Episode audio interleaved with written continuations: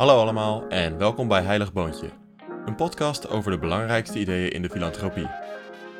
Ik ben jullie host, Brendan Hedden, en vandaag wil ik het hebben over de belangen van de donateur.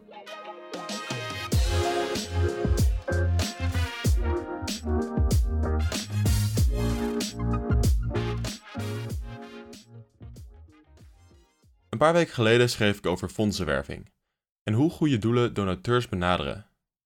Hans Broodman van Nassau Fundraising vertelde mij toen dat een goede fondsenwerver zichzelf als dienstverlener ziet, op zoek naar donateurs die een goede match zijn voor hun doel.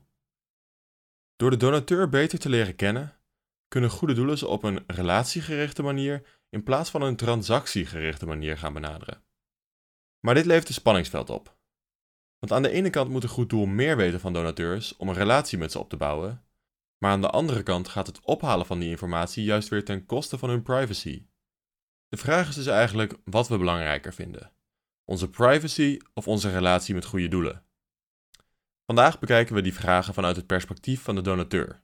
En om dat te doen heb ik Jordan van Bergen uitgenodigd. Jordan is oprichter en voorzitter van Stichting Donateursbelangen, een organisatie die opkomt voor de belangen van donateurs. Jordan is zelf als donateur 20 jaar geleden in de non-profit sector gerold en heeft sindsdien aan verschillende initiatieven gewerkt, waaronder bijvoorbeeld de introductie van de Giving Tuesday-beweging in Nederland. Bij dit onderwerp loop je snel het risico dat goede doelen en donateurs tegenover elkaar komen te staan, iets waar ik het ook met Jordan over heb.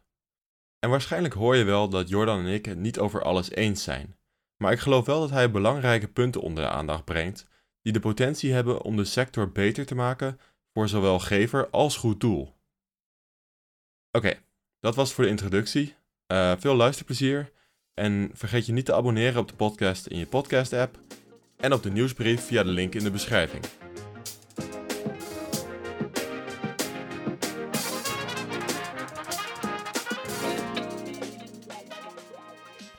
Oké, uh, welkom Jordan bij Heilig Boontje, de podcast. Dank je. Um, ja, dit is de tweede aflevering van uh, de podcast. En uh, ja, ik heb jou eigenlijk uitgenodigd om het te hebben over wat je doet bij Stichting Donateursbelangen. Um, ja. ja, het leek me misschien wel interessant om te beginnen, of ja, als jij kan vertellen waarom je Stichting Donateursbelangen hebt opgericht. Wat zag jij als zeg maar, uh, proble probleem of zeg maar, waar wou je aan werken? Nou, we, we, we, spreken niet echt van problemen, maar we zien vooral -hmm. verbeteringen die doorgevoerd kunnen worden in de non-profit sector. En ik kan even kort uitleggen waar het uit ontstaan is. Ik zelf ben uh, een, een, donateur geweest, gewoon een particuliere individuele donateur, die helemaal niets van de non-profit sector afwist. En die doneerde in 1999 10 gulden via een tussenwebsite aan het Wereld Natuurfonds. En achteraf bleek dat de goede doelen uh, een x-bedrag per jaar moesten betalen, en dat was 7.500 gulden in die tijd, uh, om op die website te mogen staan. Nou, die website riep na twee jaar, we hebben 100.000 gulden opgehaald voor onze aangesloten goede doelen.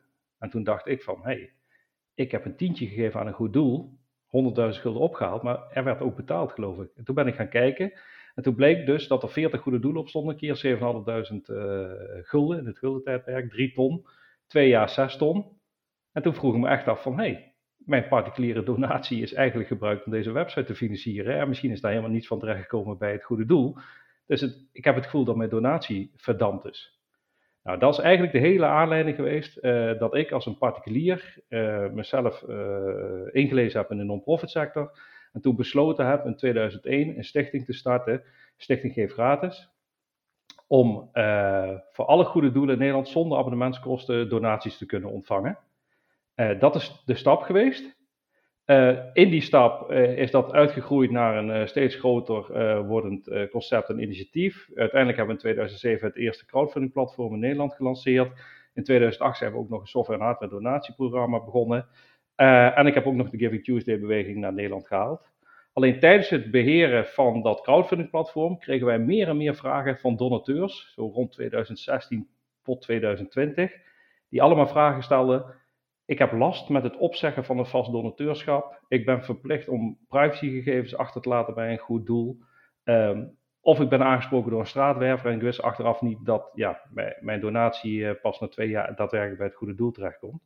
Nou, die vragen waren beperkt uh, van 2001 zeg maar, tot 2015, maar vanaf 2015 zagen we een behoorlijke toename. En dat was voor mij het moment om te zeggen van, hé, hey, ik ben ooit zelf die stichting begonnen, vanuit een 10 gulden donatie. En uh, we zien nu weer hetzelfde gebeuren, dat er veel donateurs zijn die toch moeilijkheden hebben in hun relatie met het goede doel, waarbij het moeilijk is voor ze om op te zeggen, of waarbij ze uh, bepaalde persoonsgegevens moeten achterlaten voordat ze, uh, achter moeten laten voordat ze überhaupt mogen doneren. En toen ben ik met het bestuur gaan zitten met de vraag van, moeten wij niet terug naar de tekentafel? Moeten wij niet zeggen van, we gaan weer opnieuw opkomen voor de donateursbelangen, voor de individuele particuliere donateur? Ja, dat kon uh, natuurlijk, alleen we zaten met een crowdfunding platform wat fondsen werft voor goede doelen. En dan is het natuurlijk niet verstandig om ook voor de donateursbelangen op te komen, want dan heb je twee petten op. Je bent aan het fondswerven voor goede doelen en je wil voor de donateursbelangen opkomen. Dus we hebben afscheid genomen van het uh, crowdfunding platform. En dat is via een verkoop gegaan. Uit die verkoop is er geld in de stichting gekomen. En dat betekent dat we met dat geld uh, nu onafhankelijk van alle partijen voor de belangen van donateurs kunnen opkomen. Dat is eigenlijk het hele ontstaan van Stichting Donateursbelangen. Ja. ja, dus als ik het goed begrijp, dat je eerst, je, je nog steeds eigenlijk tussen goede doelen en donateurs, ja. In een, ja, bijna een soort bemiddelingsfunctie. En eerst was dat om donateurs te helpen gratis te ge geven gratis. Dus zeg maar inderdaad zonder transactiekosten, zeg maar, dat hun geld bij het goede doel terecht kwam. En ja, nu... en dat is, niet, dat is niet zonder transactiekosten geweest. We hebben ook altijd nee, wel degelijk uh, transactiekosten ingehouden bij donateurs. Stichting Geef Gratis, de naam is eigenlijk gratis geven van diensten aan goede doelen. Uh, waarbij dus niet wat, wij, wat ik had gezien met het doneren van dat tientje, dat goede doelen ook nog eens moesten betalen om ergens op een website te mogen staan en om donaties te kunnen ontvangen. Dus alles was gratis voor de goede doelen. En bij de donateur werd er wel degelijk geld ingehouden. En dat was in het begin toen we begonnen 10%.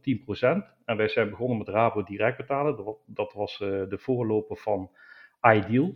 En wij waren dus het eerste platform die überhaupt de mogelijkheid bood aan goede doelen om via internetbankieren donaties te ontvangen. Dus veel goede doelen hebben daar ook in het begin uh, gebruik van gemaakt. En in de loop van de jaren dat wij het uh, platform runden, hebben wij uh, de inhouding op donaties telkens verlaagd. Dus van 10% inhouding zijn we naar 8 gegaan, naar 7,5, naar 5, naar 2,5.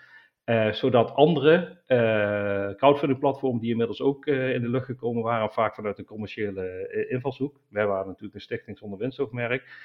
moesten die wel mee en hebben dus ook op die manier kunnen bijdragen aan het verlagen van inhouding op donaties via crowdfunding platformen. Ja. Dus dat, dat, dat, was dus ook in het belang van de donateur. En wat wij altijd hebben gedaan vanuit dat platform vanaf dag 1, is de donateur de mogelijkheid bieden, als hij doneert, uh, aan te kunnen geven. Ik wil niet dat mijn gegevens bij het goede doel terechtkomen, zodat ik kan voorkomen dat ik een direct mail uh, ontvang of een telefoontje. Uh, of de donateur kon zelfs kiezen om volledig anoniem te doneren, waarbij er helemaal geen gegevens bij ons of bij het goede doel bekend zouden zijn over de transactie. En we hebben altijd ervoor gezorgd dat tijdens het doneren de donateur altijd zag, als ik geld geef, ik geef bijvoorbeeld 11 euro, dan gaat er 10 euro naar het goede doel en 1 euro naar het platform bijvoorbeeld, toen het nog 10% was. Uh, en daarmee kon een, uh, een, donateur altijd bij ons zien, tijdens het doneren, waar gaat mijn geld daadwerkelijk naartoe. Ja. En, en um, nu zijn jullie dus met uh, Stichting Donateursbelangen, hebben jullie de, de insteek een klein beetje aangepast. Ja. Um, en gaat het, ja, je noemde net dus de, de soort van de moeilijkheden in die relatie tussen donateurs en goede doelen, dat jullie daar soort van de donateurs mee helpen in feite, toch? Dat jullie eigenlijk de, die ervaring voor de donateurs proberen prettiger te maken, als ik het zo goed begrijp. Ja, dat uh, begrijp ik goed. Eh, we zijn dus nu acht maanden bezig. Uh, het eerste jaar zien we als een soort van bewustwording creëren door informatie te delen naar donateurs toe. Dus iemand die wil don doneren of een gever is, kan allerlei informatie over de non-profit sector terugvinden op onze website. Dus het is informatie delen over hoe ziet de non-profit sector er in Nederland uit? Wat is jouw rol als donateur daarin? En wat kun je als donateur verwachten uh, met betrekking tot fondsenwerving? En hoe kun je uh, ervoor zorgen dat jouw stem ook gehoord wordt? Nou, je kunt dus gratis lid worden bij uh, onze online community. Je wordt dus niet lid van de stichting, maar je bent lid van een community. En daarmee kun je dus aangeven wat jij als donateur ook belangrijk vindt. En wij zullen daar ook naar luisteren en voor die belangen opkomen. Nou, wat wij in eerste instantie gedaan hebben, voordat we überhaupt met de stichting begonnen zijn, is een uh, marktonderzoeksbureau, Direct uh, uh, Research uit Amsterdam, een onderzoek laten doen onder donateurs, dus een representatief onderzoek, of donateurs daadwerkelijk zaten te wachten op een belangenbehartiger voor gevers. Ja, dat lijkt me een goed startpunt inderdaad. Ja. Juist, en de, en de uitkomst was dat zo'n 65% van de ondervraagden in het, het, inderdaad belangrijk vonden dat hun belangen behartigd zouden gaan worden. Oké, ja. En wat zijn die belangen dan, of wat zijn de belangrijkste belangen dan in jullie, in jullie perspectief? Nou, de belangrijkste belangen vanuit een donateur gezien, wat wij vinden, is dat een donateur altijd juist geïnformeerd moet worden tijdens het doneren. Ja. Uh, dat de donateur keuzevrijheid heeft. Dus dat hij niet ja, bijvoorbeeld verplicht uh, persoonsgegevens moet achterlaten. Misschien komen we daar later nog wel op terug. Um, maar het is heel belangrijk dat de donateur altijd juist geïnformeerd wordt. En als je kijkt naar de non-profit sector, iedereen roept natuurlijk, uh, we moeten eerlijk, open, transparant en met respect naar donateurs toe fondsen werven. Nou, hmm. dat, dat, is ook echt wel op de rit in de goede doelensector. Alleen er zijn nog steeds een aantal punten die echt verbeterd kunnen worden. En als je kijkt dus naar wat moet ik delen om te kunnen doneren aan persoonsgegevens, uh, zijn er nog steeds betalingsvormen of fondswervingskanalen waarbij kan gelden dat een donatie niet bij het goede doel terechtkomt, maar bij tussenpersonen. En om hoeveel geld gaat het dan? Want daar heb je ook een groot verschil in. Um, en vaak geldt, eigenlijk geldt dat nu voor alle goede doelen in Nederland, dat ze geen mogelijkheden geven aan donateurs om zelfstandig via een website inzage te hebben in welke persoonsgegevens over ze zijn vastgelegd, of de mogelijkheid bieden om die persoonsgegevens aan te passen, of überhaupt communicatievoorkeuren in te stellen, hoe zij graag de communicatie vanuit het goede doel met uh, hun als donateur uh, zouden laten plaatsvinden. Ja. Eigenlijk is er geen enkel goed doel in Nederland op dit moment die dat biedt. Dus als donateur moet je zelf proactief op een bepaalde manier in contact treden met het goede doel. Om inzage te krijgen, zaken te laten aanpassen, et cetera. Denk ook aan het opzeggen van een vast donateurschap bijvoorbeeld. Ja. Er zijn, ja. Er, ja, er zijn voorbeelden van goede doelen die bijvoorbeeld uh, op de website hebben staan. U kunt alleen opzeggen tijdens kantooruren tussen 9 en 12 door naar dit nummer te bellen. Ja, precies. Ja, ja en, en, dat wil dus niet zeggen dat je niet kunt opzeggen, want dat is best wel goed geregeld. We hebben gemerkt en we hebben ook wat getest. Uh, opzeggen bij goede doelen is gewoon op dit moment goed geregeld. Dat was een aantal jaren terug nog wel iets anders. Dan had je sommige goede doelen die daadwerkelijk een aangetekende brief verwachten van een donateur. Nou, dat is allemaal al verbeterd. Alleen het feit dat je dus als donateur zelf proactief uh, een telefoontje moet plegen. Uh, en wat, wat, ja, ik neem aan dat de meeste mensen dat wel weten, is dat als je dan zo'n telefoontje pleegt, dan kom je bij een donateursadministratiemedewerker uit. En die zijn natuurlijk, hoe noem je dat, uh, ingewerkt als zijnde van, probeer die donateur te behouden voor ons. Dus probeer het donatiebedrag anders te verlagen, zodat ze in ieder geval niet opzeggen. Dus als donateur die op wil zeggen, zul je ook in een bepaald verhaal terechtkomen waarbij het geprobeerd wordt om je natuurlijk binnen te houden. En daar is niks op tegen. Alleen vaak geldt dat uh, donateurs dat wel ervaren als, ja, er wordt alles geprobeerd om mij, binnen te houden. En mijn simpele wens om op te zeggen, ja, daar wordt uh, soms nog te moeilijk over gedaan. En denk je dat de belangen van een donateur uh, in sommige van dit soort gevallen eigenlijk tegenover de belangen van een goed doel staan, noodzakelijkerwijs? Nou, als je eerst als je kijkt naar um, iemand die geeft aan een goed doel, die geeft eigenlijk aan de missie van dat goede doel. Ja. En dat, dat is een gezamenlijke missie. Ja, uh, het, goede, het goede doel wil iets bereiken. En jij als donateur die er geld aan hebt gegeven, heb je normaal gesproken uh, ingelezen. Je bent op de hoogte wat dat goede doel doet. Je vindt dat belangrijk werk en daarom geef je aan dat goede doel. Dus ja. je hebt een gezamenlijk uitgangspunt. Uh, je wil de wereld verbeteren op dat, de doelstelling van dat specifieke goede doel. Mm -hmm. Echter, als het neerkomt over de relatie, uh, hoe wordt er met mijn gegevens omgegaan? Ja, daar heb je nog wel eens uh, de discussie van, uh, ik moet als donateur allerlei moeite doen en er worden bepaalde gegevens over mij vastgelegd, waarvan ik, ja, waar ik bij vraagtekens kan stellen, of dat allemaal wel ja, in het belang van mij als donateur is. Ja. Want fondswervers willen natuurlijk, ja, willen natuurlijk, dat is ook niet helemaal waar wat ik zeg, maar de fondswervers zijn op dit moment vaak bezig met het zoveel mogelijk informatie verzamelen over de donateur, daar een uh, profiel van te maken en waarmee donateurs gesegmenteerd kunnen worden, en zodat je als donateur uh, op zo per gepersonaliseerd mogelijke manier uh, benaderd wordt. En fondswervers leggen dat natuurlijk uit als zijnde dat is goed voor de donateur, want je wordt, ja, je wordt alleen geïnformeerd voor die onderwerpen waarin je ook geïnteresseerd bent. Dus dat is goed. Maar aan de andere kant geldt dus wel dat je als donateur, en dat weten veel donateurs niet, is dat er een heel uh, bestand op wordt gebouwd met informatie rondom een individu, wat in een CRM-pakket van een goede doelenorganisatie zit. En hmm. de fondsverwervende markt is zeer geprofessionaliseerd de afgelopen jaren. Dus iedere uh, redelijke grote organisatie heeft een CRM-pakket waarmee een, zoals ze dat noemen, een 360 graden view op een donateur uh, inzichtelijk is. Het is daarom wel heel apart om te zien dat er heel veel geïnvesteerd wordt in CRM-oplossingen en marketing automation oplossingen om donateurs te kunnen bereiken. Maar dat er bijna niets geïnvesteerd wordt om die donateur ook zelfstandig toegang te geven tot deze informatie via een website om het daarin zelf te beheren. Ja, dus als het aan jou ligt, zou de controle van die informatie ook uh, in de handen van donateurs iets meer komen te liggen in elk geval. Omdat het nu dus 100% achter een uh, niet-transparante muur, zo gezegd, in handen van de fondsenwervers ligt. Ja, jij weet dus nu als donateur niet wat heeft een goed doel over mij vastgelegd. Misschien vind je dat ook helemaal niet belangrijk als donateur, maar wat veel donateurs niet weten is dat er veel meer zaken over een donateur worden vastgelegd dan je vooraf denkt als je een tientje bijvoorbeeld geeft. Ja, nou, ja, ik ben dus wel benieuwd inderdaad um, in hoeverre, omdat jullie hebben dus ook een market research gedaan, uh, dus misschien heeft dat uh, hier is daar iets over uitgekomen. Um, in hoeverre veel donateurs zich ook, want ik, ja, er ligt toch best wel een focus op die gegevens en die privacy. In hoeverre voor dat voor donateurs dus ook heel belangrijk is? Of denk je dat dat dus ligt aan dat ze niet helemaal weten in hoeverre dit speelt?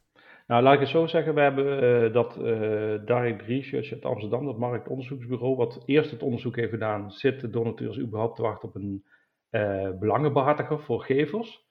Die hebben begin dit jaar, ergens in februari, een onderzoek gedaan onder donateurs, wat dus ook een representatief onderzoek was. En daar hebben we specifiek onderzoek laten doen naar uh, weten donateurs dat er een, profiel over hun wordt uh, aangemaakt door een goed doel? Weten donateurs uh, dat er gegevens opgeslagen worden? En vinden ze dat oké? Nou, eigenlijk was de uitslag uit dat onderzoek dat het merendeel van de donateurs vindt dat hun privacy beter gewaarborgd moet worden dat ze inzage moeten hebben in wat er over hun is vastgelegd. En dat ze inderdaad de mogelijkheid moeten hebben om zelfstandig die gegevens wel of niet aan te passen met communicatievoorkeuren. Ja. Oké, ja, dat is duidelijk. Um, ja, nou ja, er zit natuurlijk een spanningsveld in. Um, en ik heb hier vorige week ook uh, in mijn stuk, in een artikel voor Heilig Boontje hier iets over genoemd.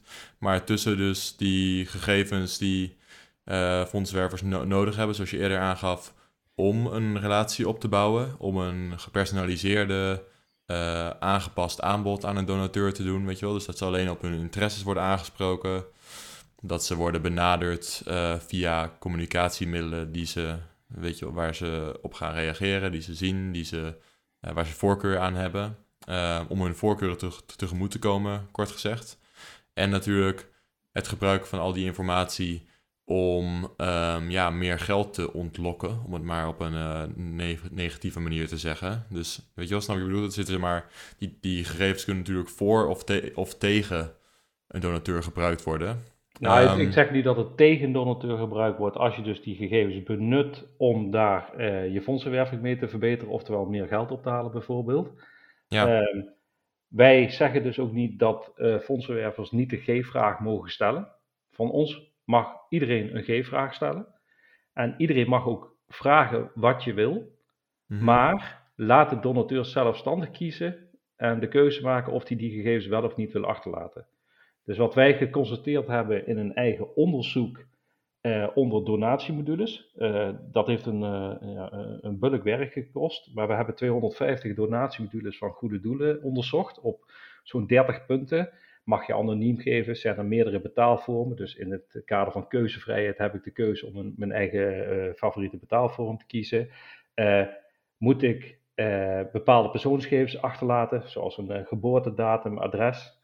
Nou, van zo'n 250 goede doelen die we gecontroleerd hebben, zijn er zo'n 70 die bijvoorbeeld verplicht de postcode en het huisnummer vragen, oftewel adresgegevens van de donateur. En je kunt dus niet als donateur geld geven aan een goed doel zonder dat je die gegevens niet wil achterlaten. Nou, we weten allemaal dat die gegevens gebruikt worden voor uh, het kunnen sturen van een direct mail om te kijken of zo'n eenmalige donateur geconverteerd kan worden naar een vaste donateur. Daar zijn wij niet op tegen, maar wij vinden het niet uh, oké, uh, het uitgangspunt, dat je als donateur dat verplicht moet achterlaten. Als je het optioneel maakt, dus je stelt nog steeds die vraag, wat is uw fysieke adres? Laat die donateur zelfstandig beslissen of hij die gegevens wel of niet achterlaat. Nou, en als je dus kijkt naar ons onderzoek, er zijn er zo'n uh, 170, 180 goede doelen die dat ook gewoon uh, zo in, uh, ingeregeld hebben dat de donateur zelf die keuze kan maken. Maar er zijn er dus ook 70 die daadwerkelijk heel veel vragen van de donateur en waarbij het dus onmogelijk is om te geven aan dat goede doel zonder dat je je privacy weggeeft. Ja. Nou, dat, dat vinden wij dus een, uh, een stap te ver. En dat vinden wij, uh, als we het heel oneerbiedig zeggen, onethisch. Maar wij vinden dus dat hier echt een ethisch stuk bij komt kijken. Waarom heb je van iemand een geboortedatum nodig als die eenmalig een tientje wil geven aan jou als goed doel? Ja, en denk je dat dit vaak een kwestie is van uh, een uh, beslissing, een beleidskeuze of gewoon... Kijk, het kost natuurlijk vaak meer moeite om dit op de uh, de soort van op jullie manier te doen. Want ik heb ook bijvoorbeeld ook, jullie hebben natuurlijk best wel een lange lijst, geloof ik, hoe heet het, het, uh, het kompas, het... Uh, een moreel kompas fondswerving. Moreel kompas, en nou, ik heb het bekeken en er staan inderdaad hele, ja, zoals je nu zegt, best wel zinnige dingen tussen. maar het is ook wel een lange lijst natuurlijk, waar mm -hmm. voor een goed doel best wel wat moeite in gaat steken, kan ik me voorstellen, om daar allemaal aan te voldoen. Um, Denk je dat het een kwestie van onwil of ze maar onmacht is, om het maar zo te vragen? Nou, ik weet door doorvragen dat het soms een kwestie is van onmacht, maar er is ook bij sommige groepen daadwerkelijk een onwil. En onwil betekent dat ze willens en wetens juist om die adresgegevens vragen, omdat ze daar hun verdere fondsenwervende activiteit op ingericht hebben. Ja. En eh, ik kan het voorbeeld geven. Uh, op de vakdag fondsenwerving van dit jaar was de hoofdsponsor uh, een partij die voor 8 miljoen particuliere huishoudens op basis van postcode huisnummer 2500 kenmerken tot de beschikking heeft. Dus als jij als donateur een tientje geeft, je bent verplicht om je postcode en huisnummer achter te laten Ehm, je hoeft niet akkoord te geven voor de privacyvoorwaarden. Dat staat, ergens onder staat, uw gegevens worden verwerkt op basis van onze privacyvoorwaarden. Maar je, je, bent er niet echt mee akkoord gegaan. Je hebt ze dus ook niet gelezen. En je, doneert.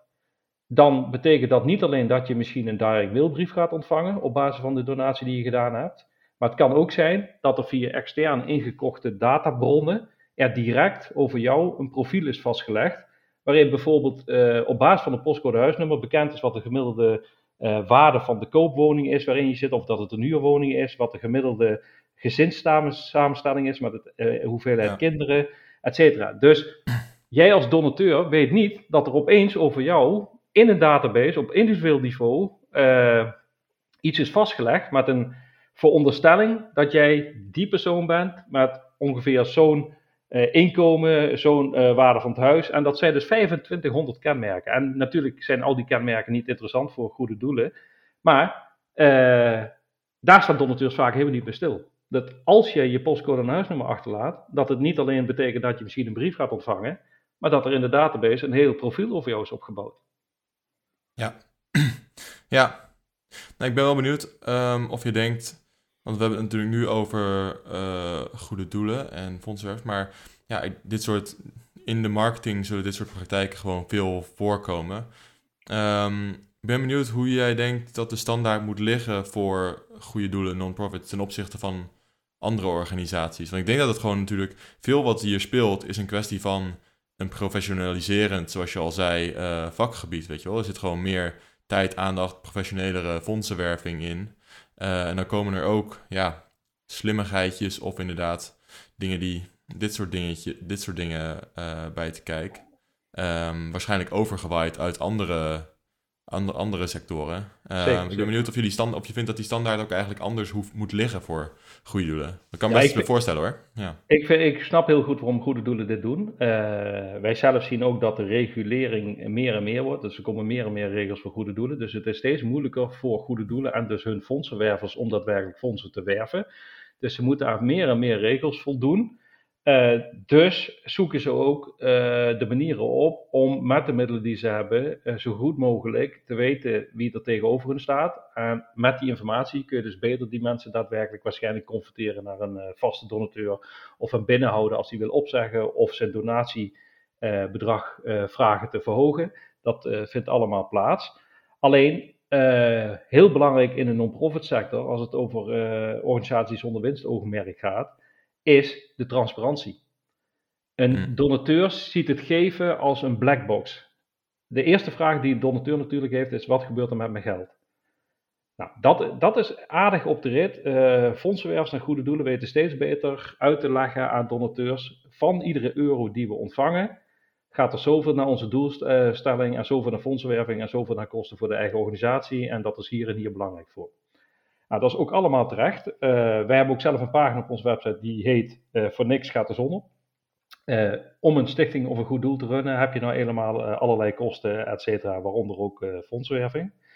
Alleen, omdat het geven voor een donateur een black box is, ja, vinden wij dat het in de non-profit sector niet meer dan normaal is dat je 100% transparantie biedt aan de donateur. En daar zit nog wel heel veel uh, mogelijkheden voor verbetering. En daar zeggen wij wel, daar is het misschien onwillend, uh, ja, onwil vanuit de fondsenwervers om niet de donateur volledig juist te informeren tijdens het doneren. Een fondsenwerver ja, zegt, ja? Nee, ja, ik bedoel, ik zoek, omdat je net tijdens het doneren zei, vroeg ik me af, uh, omdat in principe dus jaarverslagen vaak wel, of in principe, volgens mij horen, is dat gewoon in te zien voor uh, uh, stichtingen goede doelen. Um, vroeg ik me af of je dan bedoelt eigenlijk dat die informatievoorziening uh, ook vanuit de goede doelen moet komen. Nou ja, tijdens, het tijdens het werven, tijdens het doneerproces. Dat daar een onderdeel bij moet zitten. In tegenstelling tot. Want, want donateurs kunnen natuurlijk wel gewoon zelf op onderzoek uitgaan en dit uitvinden. Maar, maar je vindt dat het actief moet gebeuren vanuit het goede doel dan. Ja, dat vinden we 100%. Uh, uh, als je naar het buitenland kijkt, dan zijn de donateursbelangen wat ons betreft in ons omliggende landen veel beter uh, gewaarborgd. Uh, zo ken je in, Amerika, in Amerika, Mexico en Canada, is er vanuit de Association of Fundraising Professionals, is er een Donor Bill of Rights, dus een soort van donateursrechten manifest. Dat mhm. bestaat al 23 jaar. En één punt van dat manifest is heel simpel. De donateur wordt geïnformeerd over degene die op zoek is naar uh, donaties, een vrijwilliger, een medewerker van de organisatie is of een ingehuurd wervingsbureau is. En dat wordt in Nederland dus absoluut niet toegepast. In Nederland is het niet bekend als jij een fondsenwerver tegenover je hebt of dat een vrijwilliger van een goed doel is, of dat een betaalde medewerker van het goed doel is, of dat een uh, betaalde kracht van een uh, ingehuurd wervingsbureau is. Hm. En dit is ook absoluut iets wat fondsenwervers niet willen. Ze willen eigenlijk deze informatie niet aan de donateur geven. En het is natuurlijk heel apart om te zien dat in ja, landen zoals uh, Amerika, Canada, Mexico, dat dit gewoon een uh, keihard donateursrecht is om te weten wie staat er tegenover mij. En donateurs moeten ook niet naïef zijn, vinden wij. Uh, je moet ook doorvragen als donateur. Als je op straat aangesproken wordt en je hebt nooit eerder van die organisatie gehoord en je wordt geïnformeerd over wat doet die organisatie en je wordt gevraagd om een vaste donateur te worden. Ja, ik denk dat je dan ook hoort door te vragen van uh, wie ben jij, wat doe jij, uh, hoe ziet het eruit, hoe gaat, waar gaat mijn geld naartoe, et cetera.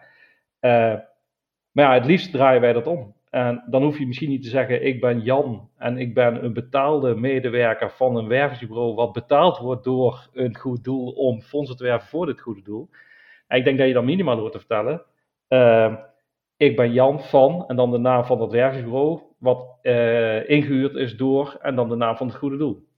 Dan kan een donateur altijd zelf wel inschatten of er wel of niet daarvoor betaald wordt. En heel veel fondsenwervers zeggen ook altijd, als ik daarna vraag, maar niemand vraagt daarom. Niemand vraagt tijdens zo'n proces, uh, wie bent u, uh, wordt u betaald, et cetera. En wij vinden dat dat wel eigenlijk omgedraaid hoort te worden. Jij hoort dat gewoon te vertellen. Uh, je hoort juist te informeren tijdens het doneren. Een donateur die nu geld heeft gegeven, die komt thuis en die vertelt misschien wel, nou, ik had een hele leuke vrijwilliger van een goed doel voor me uh, staan en ik ben vaste donateur geworden van dat goede doel. Zonder dat hij dus weet dat hij uh, een uh, getrainde salespersoon van een wervingsbureau voor zich heeft gehad, wat werkt voor dat goede doel en wat dus ook ja, zijn eerste misschien wel twee jaar aan donaties ontvangt als provisie. Ja, ja nee, ik kan, het is natuurlijk niet actief misleidend. En ik kan me voorstellen dat er ook donateurs zijn die zeggen van... Uh, eigenlijk maakt het me niet zoveel uit of ik dit weet of niet. Want ja, als je, als je doneert, of je nou het um, op straat geworven, gewerfd bent, uh, ja, of, het ook of, of, online. Um, als die persoon betaald krijgt, dan gaat het allemaal in een, een pot waarvan een bepaald bedrag naar fondsenwerving gaat. Weet je? Dat weet je natuurlijk ook als je, als je online geeft, weet je ook dat, uh, dat, ze, dat ze iets gaan uitgeven. Maar um, nou, waar, wij dus vooral voor uh, opkomen is, uh, de non-profit sector legt het gewoon terecht uit. Die geven aan, het fondsenwervingskanaal face-to-face, oftewel straatwerving, levert ons uh, duizenden en duizenden vaste donateurs per jaar op. Dat is dus mhm. eigenlijk zeer belangrijk voor onze missie, om die donateurs binnen te krijgen. dat klopt. Dus zij geven bijvoorbeeld aan, als wij een miljoen investeren, dan weten we 4 miljoen op te halen. Hm, dus dat zouden we heel dom zijn om, die, uh, om dat kanaal niet te benutten. En dat verhaal is ook terecht. Uh, althans, ik heb nog nooit echt de onderzoek gezien dat het ook echt zo is, precies, die 20-80% uh, regeling, zeg maar. Maar er wordt dus gezegd, als we 20% kosten maken, dan krijgen we 80% uh, opbrengsten. Ja. Um, alleen, wij kijken ook altijd vanuit Stichting Donateursbelangen, als het dus over belangenbehartiging van donateurs gaat, naar de individuele, particuliere donateur die hard gewerkt heeft voor zijn centen, en bereid is om daarvan een x-bedrag aan een goed doel te geven. Nou, als die donateur dus gedacht heeft dat hij aan de vrijwilliger van een goed doel ja heeft gezegd tegen een vast donateurschap waarbij zijn geld bij dat goede doel terechtkomt, ja, hoe zou die donateur het vinden als hij dus na anderhalf jaar hoort, ja, van al jouw donaties is nog steeds niets bij het goede doel terechtgekomen, omdat de provisie die naar het werksbureau is gegaan voor het aanbrengen van jou als donateur hoger is dan al jouw bedragen tot nu toe die je gegeven hebt. Ja, Ik, denk dat, ik denk dat donateurs dan, uh, ja, hoe noem dat? Uh, die dachten dus aan een vrijwilliger te geven, ja, die zullen heel boos zijn. Die, die zullen zich gemanipuleerd voelen. Ja. En, ja. En, en als je dat dus wel degelijk gewoon vooraf netjes tijdens het geven transparant vermeldt, dan is de kans misschien op een donatie kleiner. En dat gaat dan misschien ten koste van de fondsenwerver. Maar dan heb je wel een open, eerlijke en transparante relatie met de, bij met de donateur aangegaan. Ja. Ja, um, ik denk ook zeker dat, dat uh, dit en nou ja, dit soort dingen komen ook natuurlijk om de zoveel tijd ook naar buiten. Of mm -hmm. wordt, wordt er iets over geschreven of gezegd of gedaan in het nieuws. Um, en dat er ook wel daadwerkelijk iets van een imagoprobleem is met betrekking tot de fondsenwerving, donateur-relatie. Uh, en ik denk inderdaad dat dit er een onderdeel van uitmaakt. Maar ook soms het, het lastig gevallen worden. Dus als je op een lijst komt te staan en opeens, weet je wel, allemaal e-mails of direct mails of uh, wat het ook mag zijn, binnenkrijgt. Um, ik vraag me dus alleen af in hoeverre uh, ja, dat is omdat we zo'n hoge standaard dus houden aan goede doelenorganisaties. En ze eigenlijk misschien wel um, een onmogelijke lat voorleggen, als je snapt wat ik bedoel. Weet je wel? Het kan zijn dat dit imagoprobleem natuurlijk is, omdat we het hier altijd uh, in de media, waar ik uh, zelf ook soort van uh, onder schaar, over, over dit soort problemen hebben. En of dit dan wel iets is waar we nog meer nadruk op moeten leggen. Ik weet niet, hoe, hoe zien jullie dat? Voor jullie is natuurlijk, jullie hebben best wel een kritische houding ten opzichte van veel fondsenwervers. Dat hebben we zeker, ja. We hebben zeker een kritische houding, omdat wij vinden dat de informatie naar donateurs toe en de mogelijkheid om zelf informatie te beheren en communicatievoorkeuren in te stellen, dat dat echt veel beter kan en moet. Uh, en vergeet niet dat de sector die uh, je verplicht persoonsgegevens achter laat laten, uh, waaronder bijvoorbeeld de telefoonnummer, en je dan ik noem maar wat, drie keer op een avond belt om te proberen om je eh, vaste donateur te laten worden, terwijl dat als irritant wordt ervaren. Er is een donateurspanel in Nederland, uh, een onderzoek onder donateurs. Dat vindt ieder kwartaal plaats. En het afgelopen onderzoek in juni liet zien dat 91% van de donateurs het zeer onprettig vindt om telefonisch benaderd te worden. Hm. Ja, dan vinden wij wel dat je daar ook rekening mee moet houden. houden. En ze, uh, de organisaties voldoen natuurlijk aan alle wet en regelgeving dat als je aangeeft van ik wil niet meer gebeld worden, dat je een recht van verzet bandje te horen krijgt en dat je kunt aangeven ik wil niet meer gebeld worden. Uh, Maar die irritatie en frustratie aan de kant van donateurs, ja, ik denk wel dat die ook daadwerkelijk komt door de manier waarop er geworven wordt en waarop er omgegaan wordt met persoonsgegevens en dus kanalen ingezet worden om bepaalde donateurs te benaderen, om misschien meer te geven of te converteren van een eenmalige naar een vaste donateur. Ja. ja, maar tegelijkertijd zijn over het algemeen mensen nog best wel. Kijk, er zijn wel. er, er heerst ergens wel een beetje dit imago van fondswerving als een. Nou, ik, ik heb uh, mensen het woord noodzakelijk kwaad van horen zeggen. Maar over het algemeen, uit jullie onderzoek, of tenminste bleek volgens mij ook. Dat de meeste donateurs best wel tevreden zijn over hun relatie met. Of dat er kwam een 6,8 uit de algemene tevredenheid, toch? En, Klopt, ja. Op dat onderzoek hebben wij ook gewoon gevraagd, heel simpel. ja, precies. Wat is, wat is, het cijfer wat jij als donateur geeft aan goede doelen? Ja, die viel me wel op inderdaad. Want ook maar, maar 12% gaf het eigenlijk een onvoldoende in die. Uh, in die vraag. Ja, en dat betekent dus dat in een relatie tussen de donateur en goede doelen geldt gewoon dat die goed is. Ja. Uh, alleen uh, blijkt dan uit verder onderzoek dat de manieren, en dat zijn de, de benaderingswijzen, dat dat soms als irritant ervaren wordt. En als je eenmaal zo'n ervaring hebt gehad en jij wil daarvan afkomen, dan moet je daar moeite voor doen. En dat blijft dus vaak bij bij een donateur. Dus degene die je niet hoort, zijn waarschijnlijk de donateurs die gewoon 50 jaar lang donateur van een goed doel zijn. En die gewoon uh, dat werk gewoon fantastisch mogelijk maken voor dat goede doel. Ja. degene die je hoort zijn natuurlijk diegenen die zich laten gelden en laten weten van. Ja, maar ik vind het helemaal niet terecht dat ik drie keer op een avond gebeld word door een goed doel. Waarbij ik twee keer niet opneem en ze blijven maar bellen bijvoorbeeld. ja. ja, dus ja, en dat is ook een beetje het punt inderdaad wat ik, wat, wat ik net, dat is een beetje, je zegt inderdaad, waar ik net ook een beetje over had van, ja, dat er, en dat heeft de media natuurlijk op elke sector wel een beetje een handje van, dat de incidenten worden natuurlijk uitvergroot en um, er ontstaat er soms een, ja, een beetje een, een negatiever imago dan misschien de stille meerderheid uh, heeft over een onderwerp. Ja, dat, zal, dat, ehm. dat zal zeker, maar vergeet dus niet, uh, ik, ik, ik pak altijd dat voorbeeld erbij. Um, de markt in Nederland is voor gokbedrijven gelegaliseerd. Die gokbedrijven willen ook zoveel mogelijk geld verdienen op, basis van hoe mensen inzetten op bepaalde uh, sportwedstrijden of in een casino uh, spelen bijvoorbeeld. En die gokbedrijven die laten wel uh, hun klanten inloggen in een systeem.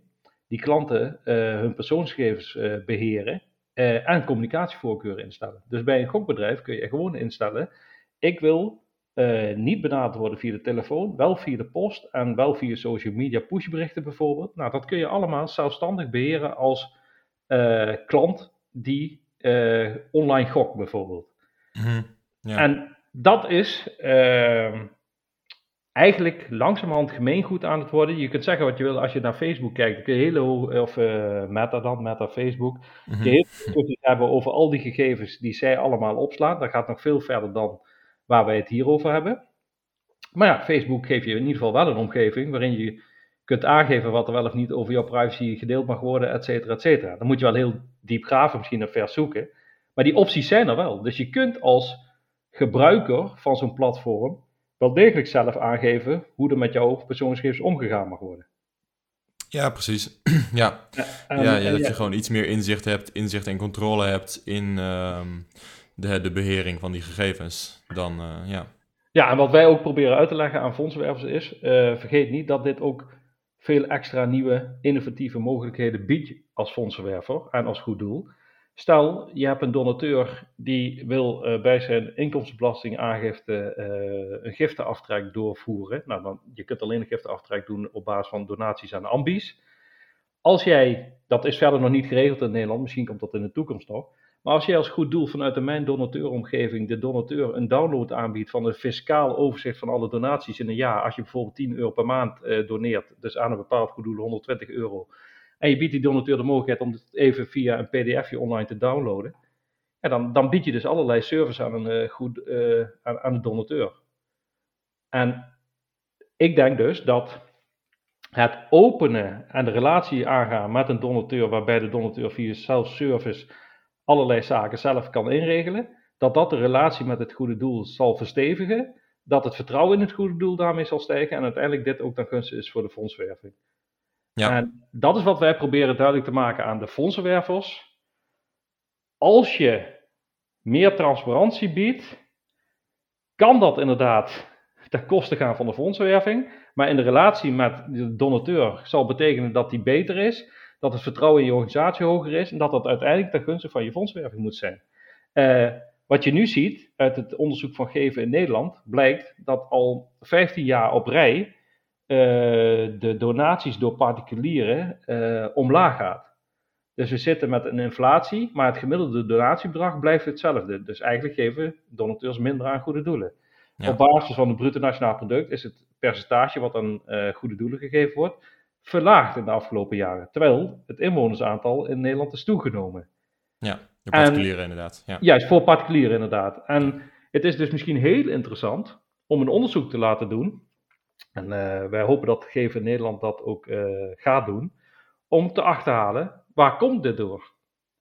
Nou, in het laatste rapport stond wel iets over de hoeveelheid dat een huishouden benaderd werd ten opzichte van dat huishoudens die meer benaderd werden in de afgelopen jaren waren minder gaan geven of zoiets. Um, en daar uh, noemde de, werd in de presentatie ook iets over verteld. Um, ik heb het zelf ook beschreven als een soort, het kwam me over als een soort van vraagvermoeidheid of zo. Die uh, term heb ik maar bij verzonnen. Maar um, dus dat huishoudens die meer, volgens mij was dat huishoudens die in het afgelopen jaar meer gevraagd waren dan daarvoor, dat jaar waren minder gaan geven. Er was een soort van tegengesteld verband. En, en ik zeg dus niet dat het echt zo letterlijk is zoals je nu aangeeft, dat dat betekent dat dat automatisch betekent dat het door... Nee, het is ook maar één, uh, één, één klein onderzoekje nog inderdaad. Maar, Juist. maar het zou dus interessant zijn om dat verder te onderzoeken. Want het kan dus zijn dat jouw fondsenwervingsmethodes die je als goed doel gebruikt, eigenlijk tegen je werken. En dat dat misschien al 15 jaar lang aan de gang is. Dat dat eigenlijk betekent dat particulieren minder gaan geven aan goede doelen. Ja, ik, ik denk misschien ook wel interessant om te vertellen. Dus ik denk zelf persoonlijk ook dat goede doelen het gewoon veel moeilijker hebben.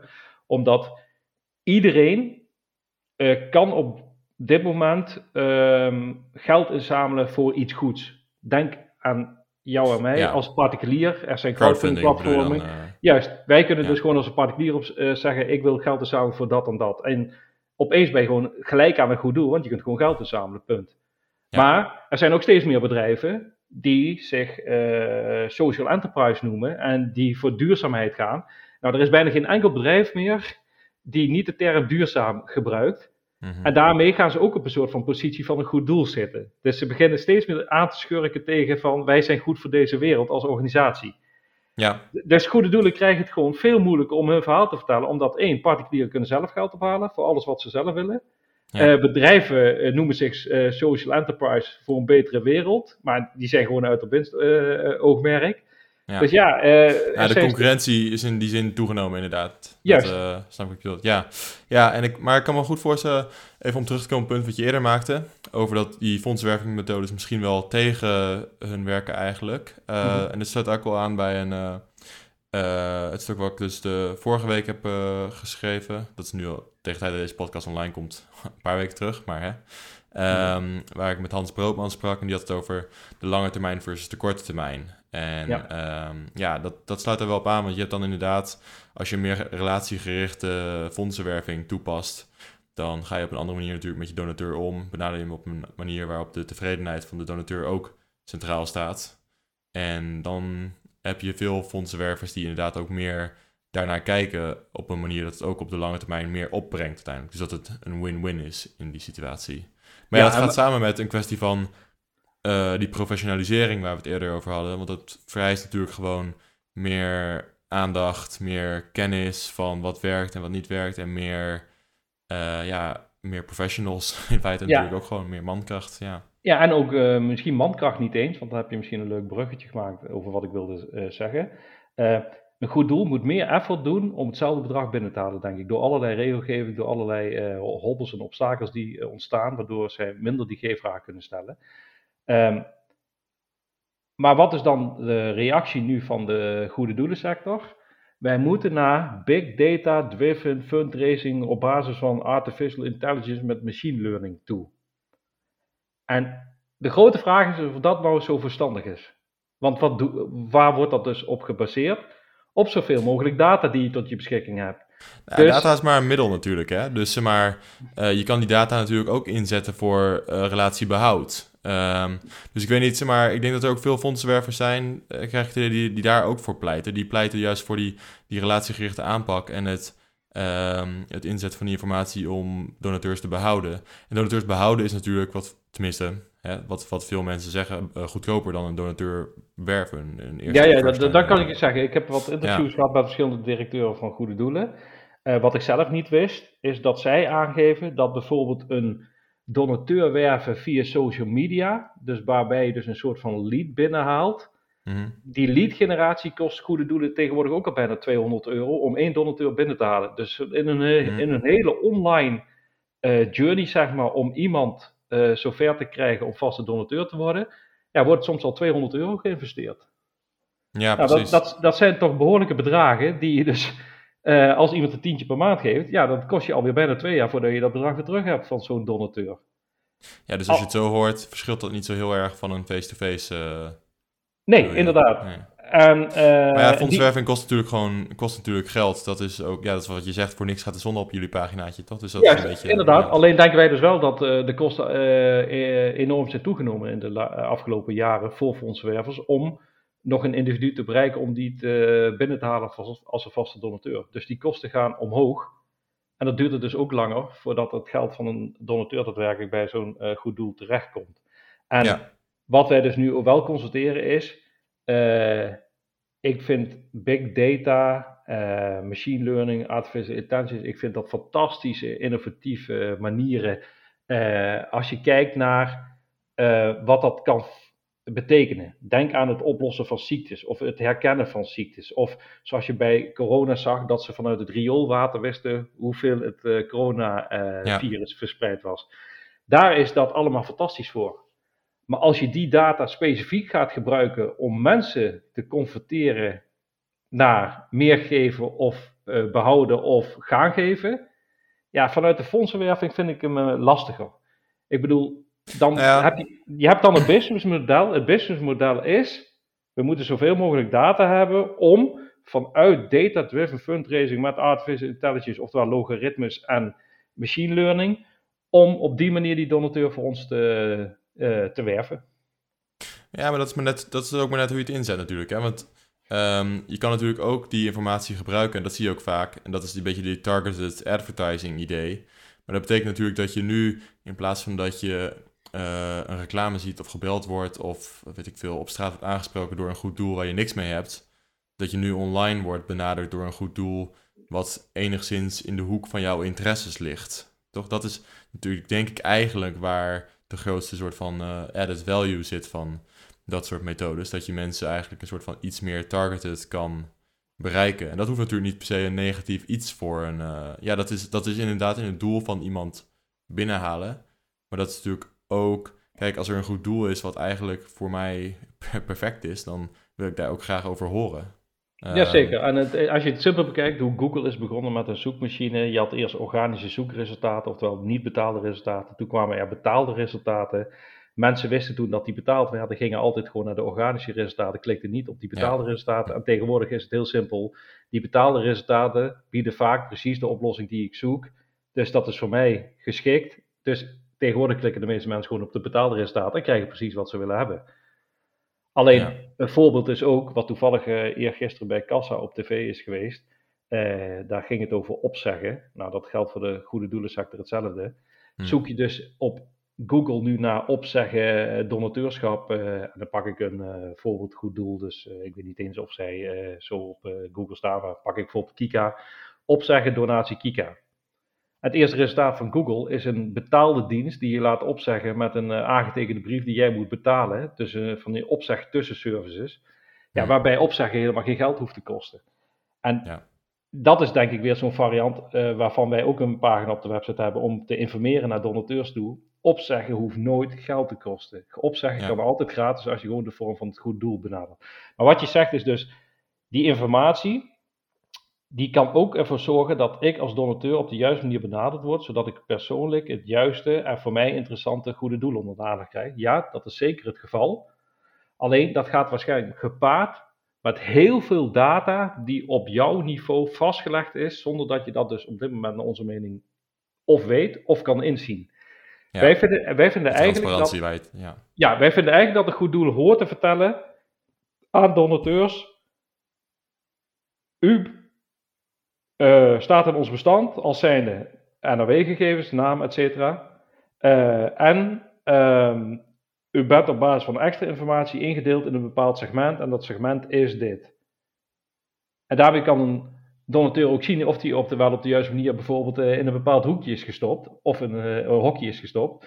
En ik kan, vinden wij, hoort een donateur aan te kunnen geven van ik wil niet dat je segmenteert, je mag mij gewoon in je bestand hebben, ik blijf gewoon vaste donateur. Maar ik wil niet uh, vanuit een bepaald segment aangesproken worden. Ik ben gewoon een donateur die algemeen aangesproken wil worden, bijvoorbeeld. Want donateurs, donateurs weten vaak helemaal niet dat ze uh, gesegmenteerd in een database zitten met al die informatie. En bij dat big data driven fundraising, ja, dan moet je wel denken aan uh, het volledige klikgedrag wat je op verschillende sites hebt gedaan, waaronder dat van het goede doel, is aan jouw profiel vastgelegd. Extern is er misschien data ingekocht wat op jouw profiel is vastgelegd. Via social media accounts is misschien wel andere informatie over jou ingekocht. En eigenlijk zijn goede doelen op dat moment ook bezig om een ja, volledig profiel over jou vast te leggen, waarvan je als donateur misschien niet op de hoogte bent. En het gevaar blijft natuurlijk, want daar wordt er makkelijk vaak overheen gestapt, is dat die informatie misschien wel door een lek, een datalek, ooit op straat komt te liggen. En donateurs weten vaak helemaal niet wat over hun is vastgelegd. En wij hopen dat het niet gebeurt, maar je kunt er bijna wel vergif op innemen dat het gaat gebeuren. Dat er binnen nu en twee jaar ergens een keer bekend wordt gemaakt, dit goede doel heeft een datalek en er zijn een half miljoen gegevens van donateurs gelekt. Ja, zeker als je het hebt over organisaties met uh, beperkte middelen, dan is dat natuurlijk uh, een reëel risico. Ja. Ja. Um, ja, ik ben dus wel benieuwd om eventjes een, een klein beetje andere invalshoek te pakken. Um, um, waar jij denkt, want jullie stellen je dus uh, op in het belang van donateurs. En jullie richten je eigenlijk, heb ik het idee, vaak tot fondsenwervers of goede doelen in elk geval om uh, hun om ja, te voldoen aan wat jullie vinden dat de belangen van de donateurs zijn. Ik ben mhm. benieuwd van wie uh, jullie vinden dat de oplossingen moet komen in deze situatie. Of dat je, want jullie richten je ook tot donateurs om lid te worden en hun belangen bij jullie aan te geven. Um, is dit iets wat donateurs bewuster van worden en dan vervolgens hun doelen op uitkiezen? Of is het iets wat fondsenwervers en goede doelen zich eerst moeten aanpassen op de eerste stap bij hun ligt? Of is dit iets wat gereguleerd moet worden? Waar, waar, denk, je dat het, uh, waar denk je dat de eerste stap vandaan moet komen? Ja, die vraag is natuurlijk heel lastig. Uh, ja. De eerste stap is dat wij informeren hoe werkt een en ander. Dus dat je zelf als donateur ook weet dat het in ieder geval zo werkt. Dus de naïviteit bij gevers misschien weghalen. Die denken van mhm. ik geef aan, uh, ja, het maakt me niet uit wat ze met mijn data doen, want dat hoor je vaak van mensen, ik heb niks te verbergen. Maar mensen vergeten vaak wat er over wordt vastgelegd en dat er wel degelijk tegen hun gebruik zou kunnen worden of kan werken. Dus wij proberen de naïviteit bij de donateurs weg te halen, dus te informeren. En daar is dus een eerste stap voor donateurs. Voordat je geeft, zorg dat je juist geïnformeerd bent en vraag dus ook door. En de stap richting goede doelen is, als je zegt met z'n allen, wij uh, werken voor een eerlijke, open, transparante en een res respectvolle non-profit sector richting donateurs, ja, dan moet je ook die, die, die, die moeilijke stappen maken, waarin nu uh, de donateur vaak niet de volledige informatie krijgt tijdens het geven.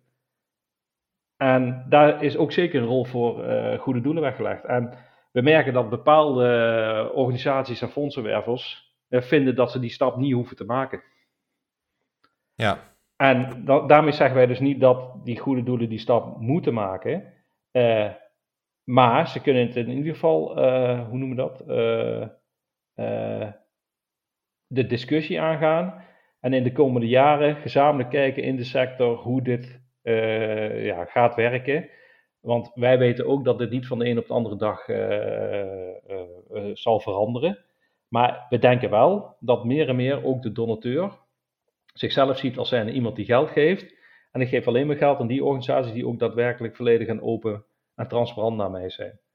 En ja. dat komt omdat er ook steeds meer over privacy gesproken wordt.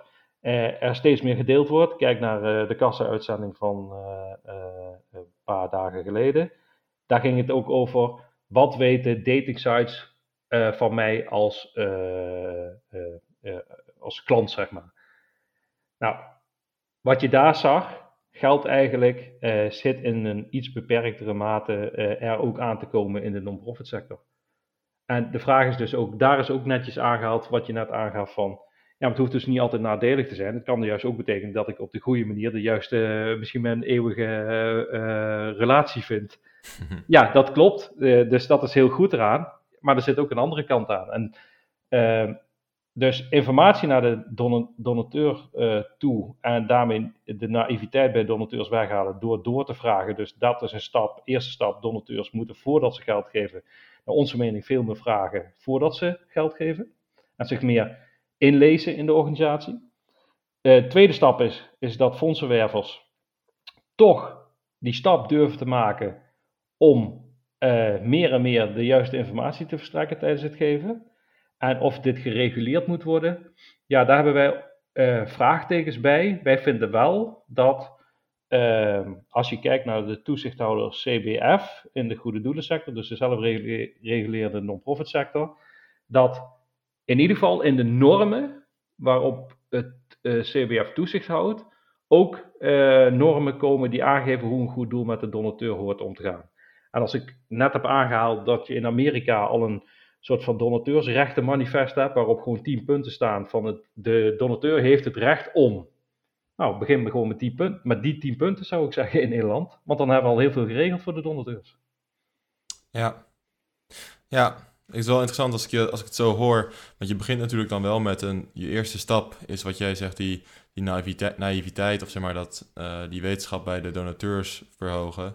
Um, ik kan me voorstellen dat dat wat frictie oplevert. In de zin dat dat natuurlijk eigenlijk in eerste instantie dus uh, ten koste gaat van ja, hoe makkelijk het is om fondsen te werven en uh, voor goede doelen. Dat het ten koste gaat van de goede doelensector. Um, en ja, je hebt natuurlijk ook op zich wel wat, wat felle reacties uh, van die hoek hebben jullie gekregen, geloof ik.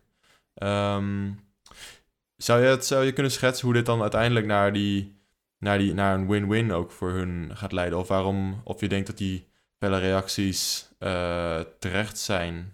Uh, nou, die, die felle reactie, reacties vinden wij niet terecht. Uh, als je kijkt naar een uitzending van Netwerk uit 2008, die over straatwerving ging, waarin dus uitgelegd werd toen in 2008, een fondsenwervende partij die voor ons fondsen werft, die krijgt een provisie.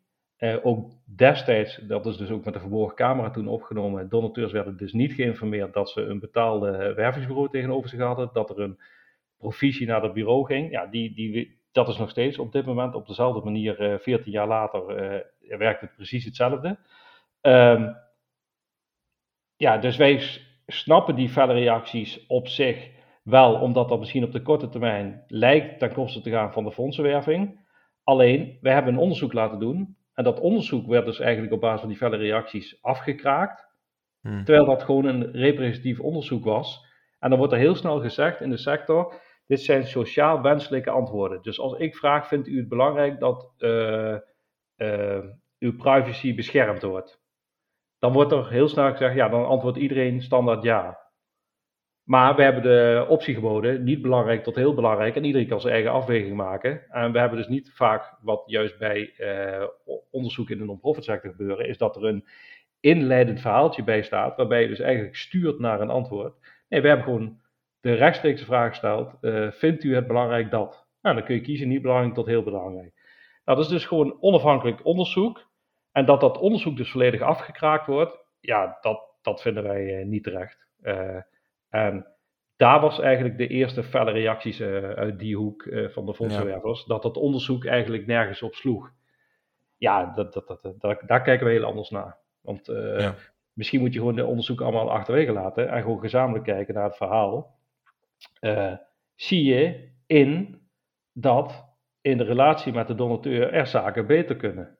En ik mhm. denk dat dat de eerste stap is, dat fondsenwervers daadwerkelijk erkennen ja, wij kunnen ook nog verbeteringen doorvoeren. En dat hoeft helemaal niet ten koste dus van fondsenwerving te gaan. Als jij dus het mogelijk maakt uh, voor een donateur om makkelijker met je te communiceren of communicatievoorkeur in te stellen, ja, dat hoeft helemaal geen nadelige gevolgen voor je fondsenwerving te hebben.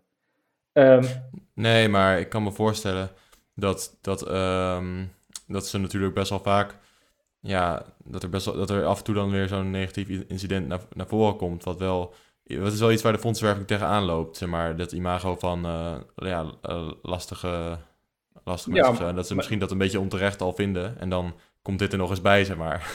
Dus, ja, dat begrijp ik. Alleen ja, uh, wij heten niet voor niks Stichting Donateursbelangen. En wij staan aan de kant van de donateur. Dus wij zullen uh, informeren over hoe werkt fondsenwerving eigenlijk. Want dat is dus, ja, een, bijvoorbeeld het CBF is toezichthouder. Maar die zal niet uitleggen aan donateurs hoe werkt fondsenwerving en wat betekent fondsenwerving. En wij gaan dus op data-driven fundraising gaan we ook nog een dossier aanleggen op onze website om uit te leggen wat dat betekent. En dat uh, uh, goede doelen ook met uh, bepaalde formules werken en KPI's werken, waarin bekeken wordt wat is mijn return on investment bijvoorbeeld. Er zijn, ik denk wel 50 KPI's per donateur waarop een goed doel stuurt. Ik denk dat de donateur dat ook helemaal niet weet. Dat hij ergens uh, bekend staat als zijn uh, KPI, return on investment en et cetera, et cetera. Hmm. Dus wij willen eerst altijd informeren. Nou, dat kan dus betekenen dat het gevoel is dat het ten koste van fondswerf gaat. Maar wij denken juist door meer transparantie te geven aan donateurs en juist te informeren, respect te hebben voor donateurs, hen meer mogelijkheden te geven om zelf aan de knoppen te zitten. Dat ja. dat ten goede van relatie is en dat dat ervoor zorgt dat uh, het vertrouwen in het goede doel toeneemt en uiteindelijk dat ook de, de gunst is van de fondswerving. En één voorbeeldje kan ik aangeven, één voorbeeldje kan ik aangeven die ik zelf heel interessant vind. Je zei net, we hebben een behoorlijke lijst in dat moreel kompas staan. Dat zijn twaalf gewenst gedragsbepalingen. Ik kan je zeggen dat eigenlijk die gewenst gedragsbepalingen voor ons gevoel door uh, eh, 90% van de goede doelen standaard toegepast wordt op misschien twee gewenst gedragsbepalingen na. Nou, eentje waar wij vaak de discussie over hebben is, je moet transparant zijn tijdens het geven, zodat een donateur weet, als hij een tientje geeft, wat het daadwerkelijk netto naar het goede doel gaat. De sector vindt dat eigenlijk niet noodzakelijk om dat te melden. Uh, dat is helemaal niet interessant voor een donateur. Maar als ik dan uitleg aan een directeur bijvoorbeeld, niet de fondsenwerver, maar aan de directeur van een goed doel. Stel, iemand geeft een tientje en je hebt 30 cent idealkosten. Dus als goed doel ontvang je 9,70 euro en met die 9,70 euro ga je aan de slag voor jouw missie. Mhm. Als je dit vertaalt op de donatiemodule, dus iemand zegt hoeveel wilt u geven? 10 euro. En je vermeldt, we hebben transactiekosten ideal 30 cent. En je biedt die donateur de mogelijkheid om die 30 cent ook te doneren, zodat, met de uitleg erbij, wij daadwerkelijk uw tientje ontvangen. En dan blijkt gewoon in de praktijk dat 70, 80 procent van die donateurs ervoor kiezen om ook die transactiekosten te geven. En dan heb je dus eigenlijk een win-win situatie. Je bent één, transparant. Je vertelt dat de transactiekosten zijn, wat ze zijn. En je biedt de mogelijkheid aan de donateur, keuzevrijheid, om die wel of niet uh, bij de donatie erbij te doen. En in, de praktijk, in de praktijk blijkt dat merendeel van alle donateurs kiezen er dan voor, want ze willen eigenlijk een tientje geven. Dus ze willen ook dat er een tientje uitkomt bij het goede doel. Dat ze dus kiezen om ook die transactiekosten te betalen. Ja. Of haal je, haal je dus ook nog eens meer op als goed doel. Ja. En als we dat uitleggen, ja, dan zien ze in van, hey, Stichting Donateursbelangen lijkt in eerste instantie misschien niet heel uh, gunstig, maar met dit soort uh, tips en tricks geldt dat je één, transparant kunt zijn en meer geld op kunt halen. Ja, ja dus een geïnformeerd publiek, uh, als een soort van open en eerlijk geïnformeerd publiek, zal uiteindelijk net zoveel of meer geven. Is dan eigenlijk de boodschap die je ook wil meegeven. Ja, en uh, omdat wij voorheen dus dat uh, crowdfunding platform hebben gehad, uh, kan ik ook aangeven dat het eigen onderzoek ook daar getest is en ook gebleken is dat het merendeel ervoor kiest om dan die extra kosten ook te doneren. Dus ja. hoeft, het hoeft helemaal niet, transparantie hoeft niet ten koste van je fondsenwerving te gaan. Dat is eigenlijk onze boodschap. Ja, ja. ja dat lijkt me een mooie boodschap om mee af te sluiten. Oké. Okay. Jordan, hartstikke bedankt voor je, voor je verhaal vandaag. Uh, ja. Ik ben benieuwd uh, wat we van jullie gaan, uh, van nog gaan horen in de toekomst. Ja, ik denk op zich dat wij gewoon op onze eigen manier verder gaan. En ik wil je danken dat ik ook in deze podcast aanwezig kon zijn. Oké, okay, tot de volgende keer.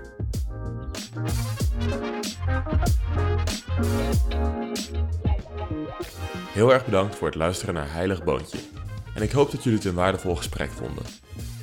Mocht je nog vragen, tips of feedback hebben, ik hoor het allemaal graag kan reageren op een van mijn mails of je kan zelf mailen naar heiligboontje.substack.com.